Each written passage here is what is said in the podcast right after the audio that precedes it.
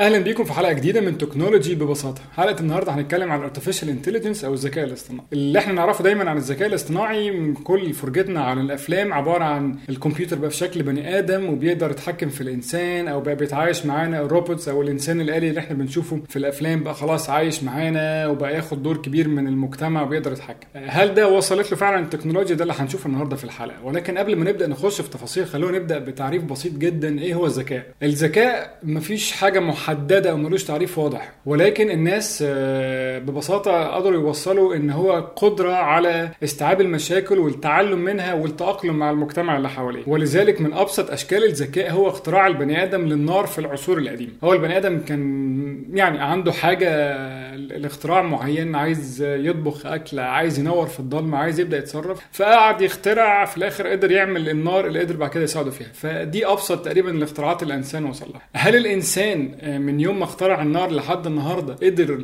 آه، يخترع حاجة ذكية أو تقدر تفكر؟ هل الكمبيوتر النهارده وصل لمرحلة إن هو نفسه قادر يفكر ويتغلب على الإنسان؟ ده اللي إحنا هنشوفه النهارده. الذكاء الاصطناعي في ناس كتير فاكرة إن هو حاجة طلعت مؤخرا ولكن الطريف في الموضوع ده إن الذكاء الاصطناعي أو المصطلح ده أطلقه واحد اسمه جون ماكارثي وهو أطلقه في سنة 1956 يعني من قبل حتى الكمبيوترات اللي إحنا بنشوفها دي ما تبقى موجودة. الناس كانت بتفكر في الموضوع ده من زمان والراجل كان بيقول ببساطة إن هو علم هندسة وصنع الآلات الذكية. طيب إيه السبب إن هو فعلا بدأ يزدهر جامد جدا كده للذكاء الاصطناعي؟ لعدة أسباب يرجع الموضوع ده ولكن خلينا نبسطهم في ثلاث حاجات. الحاجة الأولى حاجة اسمها ال big data أو البيانات الضخمة. طبعا الترجمة هنا حرفية قوي لكن يعني ملهاش ترجمة قوي بالعربي. إيه هي البيانات الضخمة؟ ببساطة النهارده بقى الكمبيوتر يقدر يشيل حجم بيانات أضعاف أضعاف أضعاف اللي كان بيشيلها من 10 سنين. مما أتاح للكمبيوتر إن بدل ما كان عنده توقعات الطقس لمدة سنة فاتت النهارده بقى تقدر تحط على الكمبيوتر مثلا توقعات أو يعني الإحصائيات الطقس ال 200 300 سنة فاتوا ويقدر يتوقع منها. دي ال big data. النهارده في حجم بيانات مش طبيعي بيتجمع من كل حاجة في الدنيا يقدر الكمبيوتر يشتغل عليها ويطلع منها حاجة. الحاجة الثانية هي ال cloud computing وال cloud computing ال term العربي بتاعه اسمه الحوسبة السحابية. ودي حاجة بتلخبط ناس كتير جدا ولكن ببساطة النهارده لو انت ماسك الموبايل بتاعك دايما بيقول لك إن أنا هحفظ منه نسخة احتياطية على ال cloud. ال cloud ده ترجمته السحاب ولكن في الواقع هو ملوش أي علاقة بالسحاب. هو عبارة عن مجموعة من الكمبيوترات متوصلة ببعض. فالنهاردة العلم قدر يوصل لمرحلة إن انت بدل ما تقدر تشغل كمبيوتر واحد انه يعمل عملية واحدة وهتاخد ساعة انت مثلا ممكن تشغل 60 كمبيوتر متوصلين ببعض على نفس العملية وساعتها بدل ما هيعملوها في 60 دقيقة هيعملوها في دقيقة. ودي من الحاجات اللي عملت ثورة مؤخرا إن أنت بقيت تقدر توصل مثلا 1000 كمبيوتر يشتغل على حاجة واحدة. تخيل 100 بني آدم بيحاولوا يعملوا عملية واحدة. هيوفروا جامد جدا في الوقت والنتيجة هتبقى أحسن.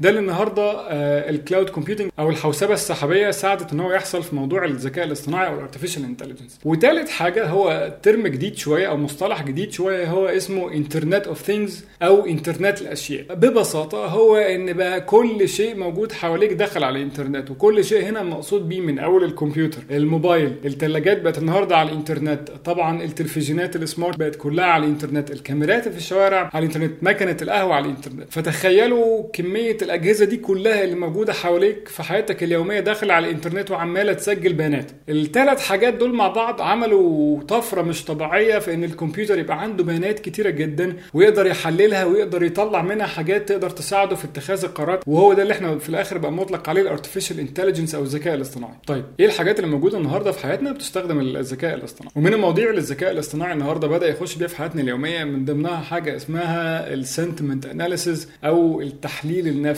إيه ال sentiment analysis دي؟ دي ببساطة إن الكمبيوتر يقدر يقرأ النص بتاع الكلام ويقدر يعرف منه هل أنت متضايق ولا مبسوط. الموضوع برضو عشان نخليه بسيط هو مش بيفهم لوحده. اللي بيحصل إن بيقعد شوية بني آدمين بيعملوا حاجة اسمها machine learning أو تعليم للكمبيوتر ويقعدوا يقولوا له مثلا شوية الكلمات دي المقصود بيها إن البني آدم سعيد. يعني استحالة هيبقى في كمبيوتر من أول يوم عمر ما حد برمجه هيقعدوه قدام واحد هيقول له أنت بتفهم ولا ما بتفهمش أو أنت مبسوط ولا مش مبسوط. فاللي بيحصل إن الناس بتعمل machine learning أو بتعلم الكمبيوتر بتقول له مثلا والله لو الواحد استخدم كلمة happy أو كلمة مبسوط ده معناه إنه سعيد. ويبدأ يقدر الكمبيوتر يبقى عنده قاموس ضخم جدا من الكلمات اللي بترجم إحساسك هل أنت زعلان؟ هل أنت مبسوط؟ الطفرة هنا بتحصل في إن هو مش بس يقدر يعرف من كلمات واضحة حتى تركيبة الكلمات. هنا بيبدأ يخش بقى اللي إحنا قلنا عليها ال big data أو البيانات الضخمة إن يقدروا يحللوا مثلا مليون آه، نص الواحد كان بيتكلم وساعتها يفهموا إن من الجمل دي الراجل ده شكله كان مبسوط وهو بيتكلم. مش لازم يقول أنا سعيد ممكن مثلا أنا طاير من الفرح. دي مش بالضرورة المقصود بيها السعادة ولكن بيبدأ الكمبيوتر يجمع الكلمات ويستخرج منها إن البني آدم ده سعيد. من التطبيقات التانية اللي في حياتنا اليومية إن الكمبيوتر يقدر يتعرف على الصوت إن أنت تقدر تكلمه. النهارده في الموبايلات كلها آيفون في سيري وجوجل في برضه ال assistant بتاعته تقدر تكلمها وتتكلم معاها وتعرف صوتك وتعرف تحدد بالظبط أنت بتقول إيه. نفس الكلام في موضوع ال handwriting أو الخط اللي بالإيد. إن أنت النهارده تقدر تكتب على الكمبيوتر بإيديك وهو يترجمه الكلام عادي. طبعا ده عمل طفرة وسهل لناس كتيرة جدا إن هي الكتب القديمة تتحط على الكمبيوتر يقدر يقراها ويعرف منها الحروف ويحولها لكلام عادي بحيث إن إحنا نقدر نتعامل معاها على الكمبيوتر. من ضمن الحاجات التانية طبعا برضو ال image recognition أو ال face recognition أو ال image processing اللي بيحصل النهارده في ال image processing أو ال face recognition إن أنت النهارده لو حضرتك أو حضرتك على الفيسبوك وبتعمل upload لصورة أو بترفع صورة هتلاقي فيسبوك لوحده بيقول لك الناس اللي معاك في الصورة أساميهم إيه وبيقترحهم عليك.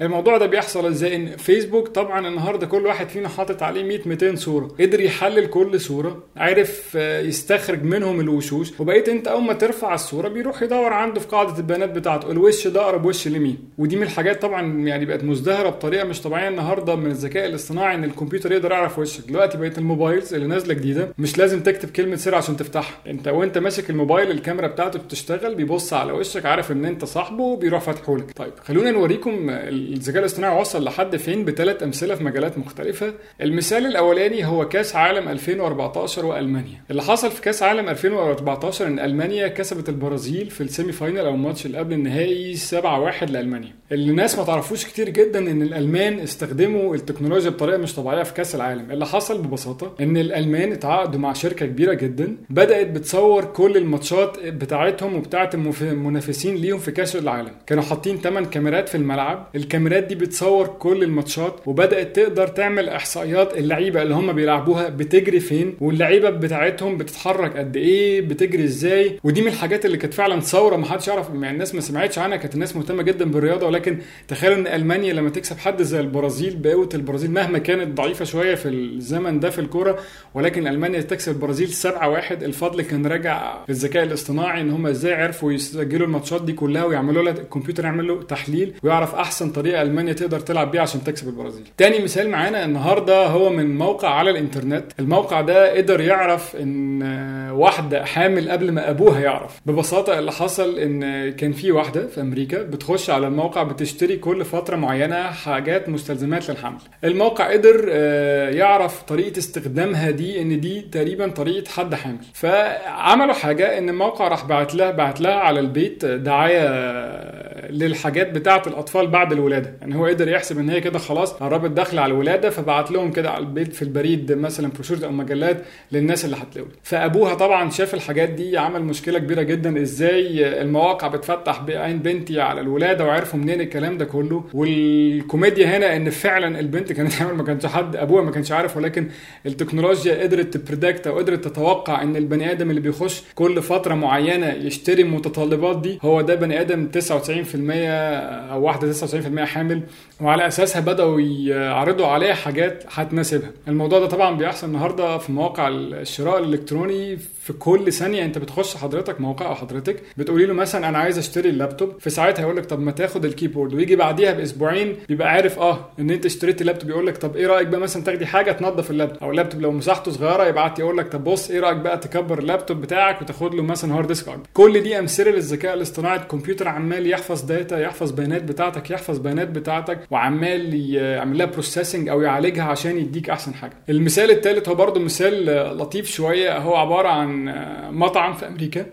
المطعم ده بدأ ياخد الإحصائيات بتاعه الأماكن اللي الكهرباء بتقطع فيها وفي الوقت اللي الكهرباء بدات تقطع فيه بيروح باعت للناس اللي في المنطقة دي رسائل النصية على الموبايلات SMS بكوبونات عشان يشتروا من عنده بيتزا. ولقى ان المبيعات عنده زادت حوالي 50% الموضوع بسيط. هو قال لك إن لما الكهرباء تقطع الناس عندها فرن كهرباء مش هتقدر تشغلها فهيبقوا محتاجين فعلا يشتروا من بره. فخلاص إحنا نبعت لهم أول ما الكهرباء تقطع إيه رأيكم بقى تاكلوا النهارده من بره بيتزا؟ فده كان ثالث مثال معانا النهارده ودي من الحاجات اللي الناس ما بتفكرش فيها قوي إن فعلا الكمبيوتر بقى داخل في كل حاجة في حياتهم اليومية. نروح على سؤال تاني هو سؤال صعب شوية. إحنا قلنا إن الكمبيوتر النهارده بقى بيقدر يفكر طبعا قلنا هو مش هيفكر لوحده مش زي طفل لو سبته لوحده هيتعلم لا لازم حد بيكتب برنامج بيعلمه. آه السؤال هنا اللي بقى فيه رعب الفترة الجاية بطريقة يعني الناس كلها بتفكر فيه هل الكمبيوتر يقدر يحس أو هل الآلة تقدر تحس؟ ده, سؤال. لحد النهارده ما فيش طبعا آلة تقدر تحس. هو يقدر يعرف إن أنت متضايق. فبناء عليه يقدر يديك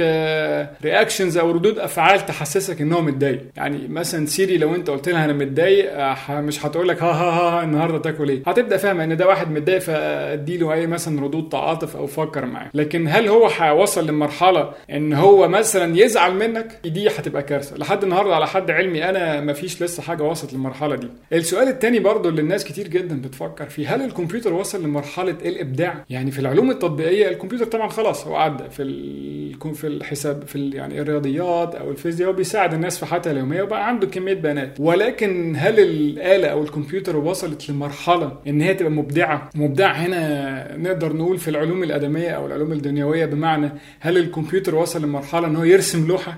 الحقيقة إن هو مؤخرا طلعت شوية برامج تقدر تلون لوحه ودي طفرة برضه دي حاجة مرعبة يعني إن أنت تديله آه، حاجة مش متلونة هو يلونها. طب هل الكمبيوتر وصل لمرحلة إن هو يقدر يألف كتاب؟ دي دي من الحاجات الصعبة جدا. لكن الكوميديا فعلا هو وصل لمرحلة إن هو كتب حلقة كاملة لمسلسل يعني الحلقة اتذاعت على الإنترنت. طبعا كان الحلقة هلس يعني. ال- الكلام مهما كان متركب عمره ما هيبقى بطريقه بني آدم بيفكر. ولكن على الأقل ده هم على أول الطريق. يعني هل كمان 3 4 سنين 5 سنين نتوقع إن إحنا هنمسك كتاب بدل ما تمسك بقى الواحد مفكر قاعد يفكر يكتب راح الكمبيوتر مجمع شوية كلمات أو الآلة واديتهولك في كتاب تقراه؟ هنتفرج. وارد يحصل طبعا. يعني وارد يحصل. لكن هل هيبقى زي الإنسان؟ لحد النهارده ما وصلش. ودي مرحلة هتبقى نقلة مش طبيعية. لأن أنت كده خلاص آه، الكتب أو الرسومات أو المزيكا. هل الكمبيوتر يقدر يألف مزيكا لوحده؟ لا هو بيساعد في تأليف طبعا المزيكا ويقدر يقول لك إيه أحسن المقطوعات اللي بتتلعب كويس وإيه اللي أحسن مقطوعات بتجيب فلوس. يعني كان في مقالة طالعة من قريب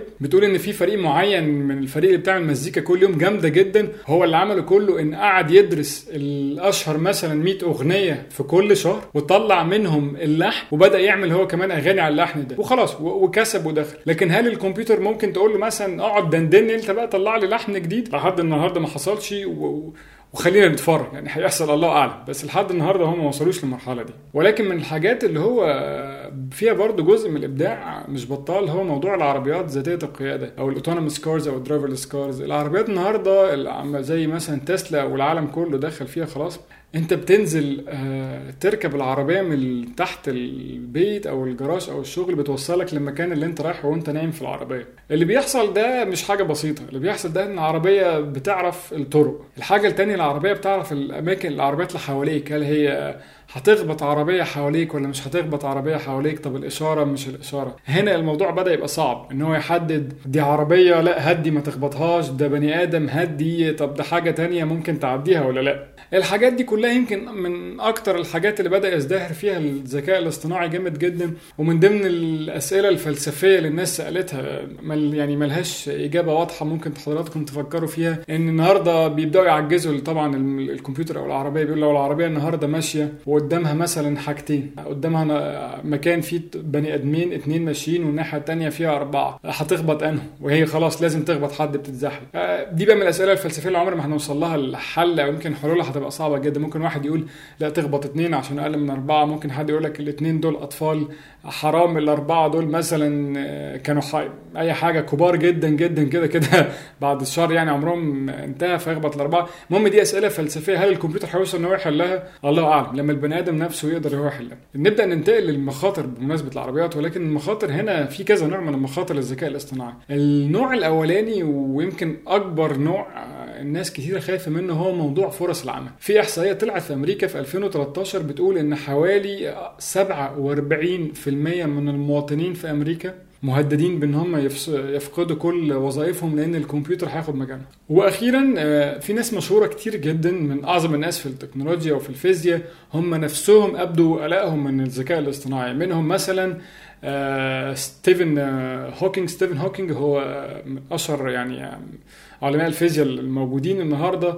ستيفن هوكينج ابدا قلقه من حاجة تانية. هو قال لك هو خايف جدا إن المكنة تقدر توصل لمرحلة إن هي تخلق نفسها. ودي كارثة. يعني النهارده لحد النهارده الكمبيوتر إحنا بنعمله بنقول اعمل واحد اتنين تلاتة. تخيلوا بقى إن الكمبيوتر قدر يصنع هو كمان كمبيوترات وقدر هو يطور نفسه وبقى مش عايزك أصلا كبني آدم.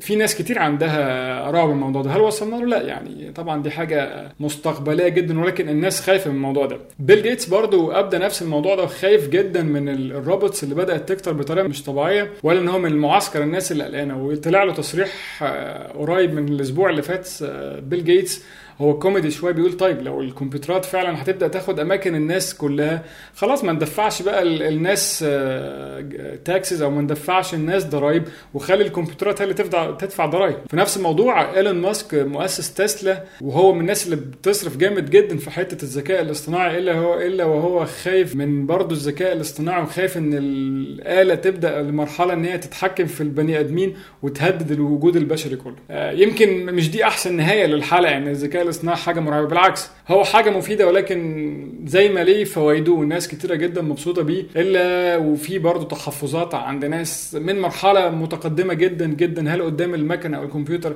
هيقدروا يتحكموا في البني آدم؟ آه، ده السؤال طبعا نتمنى لأ. نتمنى إن الذكاء يعني يفضل في مرحلة في الآخر البني آدم مسيطر عليها. يا رب نكون قدرنا نبسط الذكاء الاصطناعي ليكم. آه، لو عندكم أي أسئلة حضراتكم ممكن تسألوها في التعليقات. مستنيين رأيكم ونشوفكم إن شاء الله في الحلقة الجاية. من تكنولوجي ببساطة.